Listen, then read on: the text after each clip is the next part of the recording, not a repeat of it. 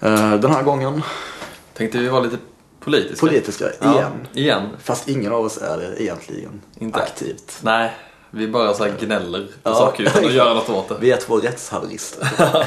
Ja. Eh, ja, i alla fall. Jo, det är så här att i, igår så... Ja, för några år sedan så skrev en svensk författare vid namn Gellert Tamas en eh, bok om eh, den svenska seriemördaren eh, John Ausonius, även kallad Lasermannen. Som eh, i början av 90-talet, ja, jag tror det var från hösten 91 till sommaren 92 Ja. eh, ja, gick omkring på Stockholms gator och helt enkelt sköt invandrare Mm. med, eh, med lasersikte. Ja, precis. Eh, det var en ganska, ganska eh, Hemsk tid. hemsk tid. Ja, för för att, orolig tid. ja, för... Gellert Tamas liksom kopplar ju den här lasermannens dåd till en tid av, eh, ja helt enkelt en tid av främlingsfientlighet. Ja, ja Eh, precis. Det var den, ja, den rasistiska rörelsen hade ju otroligt, den var på frammarsch kan man säga. Mm. Inte bara den rent, eh, inte bara den vad ska man säga, vulgärt rasistiska rörelsen som Sverigedemokraterna den den smygrasistiska. smygrasistiska, bland annat partiet Ny Demokrati Ja. med Bert Karlsson och Ian Wachtmeister. Som, som kom in i riksdagen 94 va? Ja, jag tror det. Eller Va? 90. Ja, det var nog 90 va?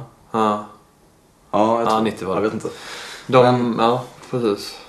De, de, de har ju på något sätt eh, vissa, vissa kopplingar till dagens Sverigedemokrater. Att de inte är, eh, de är inte öppet rasister men, Nej. de, men, men det finns ändå där under ytan. Precis. Det är eh, Då snackar vi om att. Begränsa invandringen och Ja. framförallt då från icke-västeuropeiska länder. Eh, ja, det är förpackat i, en, i ett ideal att gå tillbaka till den gamla svenska folkhemsidyllen. Ja, kan man säga. ja, ja. Precis, och behålla vissa värdekonservativa ideal. Liksom.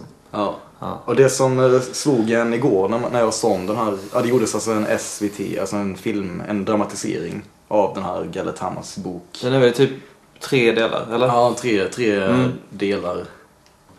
Ja, Sveriges Eh, Television. Sveriges Television gjorde en, en dramaserie kan man säga om, om Lasermannen. Mm. och den här tiden. Och det, igår när jag den så tänkte jag att oj, det är ju faktiskt, det finns ganska många likheter från början av 90-talet och så som det ser ut nu kan man säga. Mm. När det återigen snart är dags för val. Och eh, Både just nu i- faktiskt, ja, EU-parlamentsvalet Ja. och snart eh, riksdagsval. Eh. Ja. Och då har vi alltså Sverigedemokraterna som, som man liksom, man är lite, jag är lite orolig för dem. ja, Även om jag inte tror att de kommer komma in i riksdagen. Det Nej. finns alltid en risk, för, det. alltså, likheterna med Ny Demokrati är ju slående. Alltså, Ja. det roliga, eller det roliga, men det ironiska är att på den tiden var ju Sverigedemokraterna ett sånt här vulgärt högerparti. Som ungefär Alltså, som nationalsocialistisk Ja. front heter de va? Ja, jag har för mig det. Ja. Och Bevara Sverige svenskt och Nat- Nationaldemokraterna. Demokraterna, just det. Eh, Det finns några sådana små... Ja, de tillhörde ju den, den delen av partier som man inte riktigt tar på allvar. Nej. Medan de nu på något sätt Har blivit rums, rumsrena inom situationstecken. precis som Ny Dem- Demokrati Men var på sitt sätt. Eh, vi, alltså, man kan ju berätta lite kort om hur, eh, hur Sverigedemokraterna har behandlats av de andra alltså etablerade partierna i Sverige. Det har ju nästan varit... eh, Alltså man har ju fryst ut dem mycket.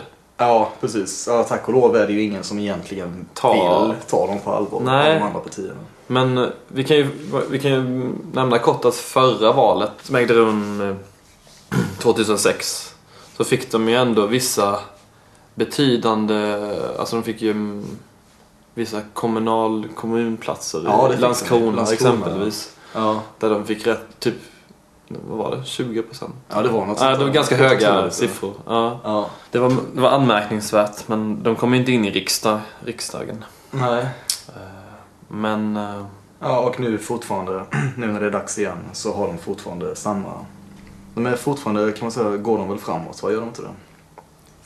Ja, åtminstone är det, det är den, det är känslan man får Mm. i, av klimatet i samhället.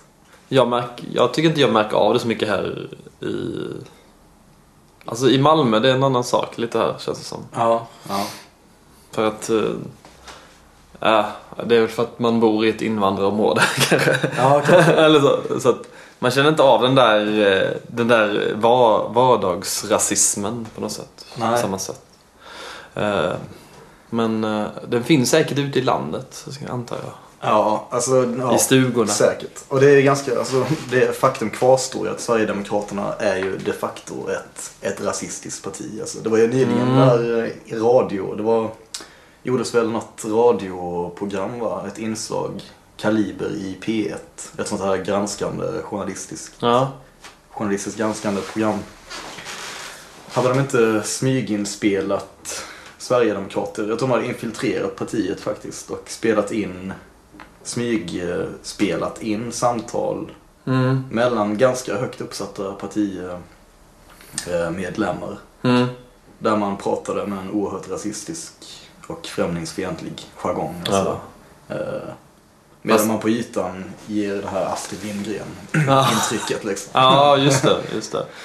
Fast det, det, det, det där är svårt alltså. För att... eh, mm, att nu ska inte jag försvara Sverigedemokraterna men att eh, spela in några så att, eh, att och sen att dra slutsatser för hela partiet ja, på grund av vad, vad några säger.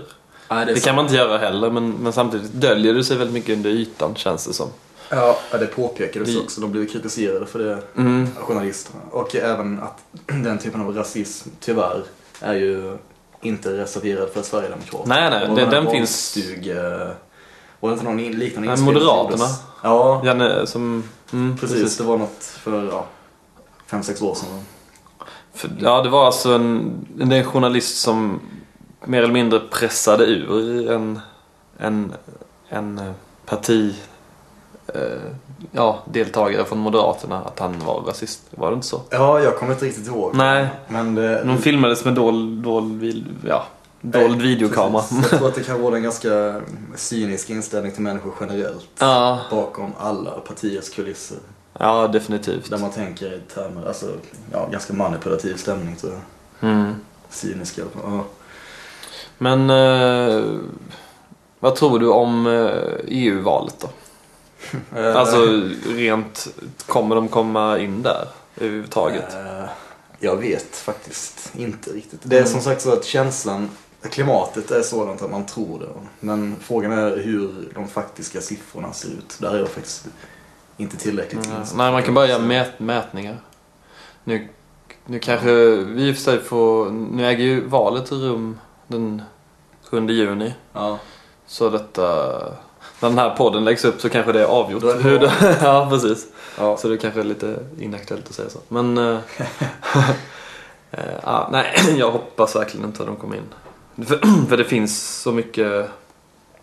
Det, Det, det, det blåser en främlingsfientlighetsvind i Europa. ja, det gör det verkligen. Om vi tar våra grannländer Danmark med eh, eh, Dansk Folkeparti där. De har ju lite samma värderingar som Sverigedemokraterna. Där är det Ja. mycket mer påtagligt att man vill...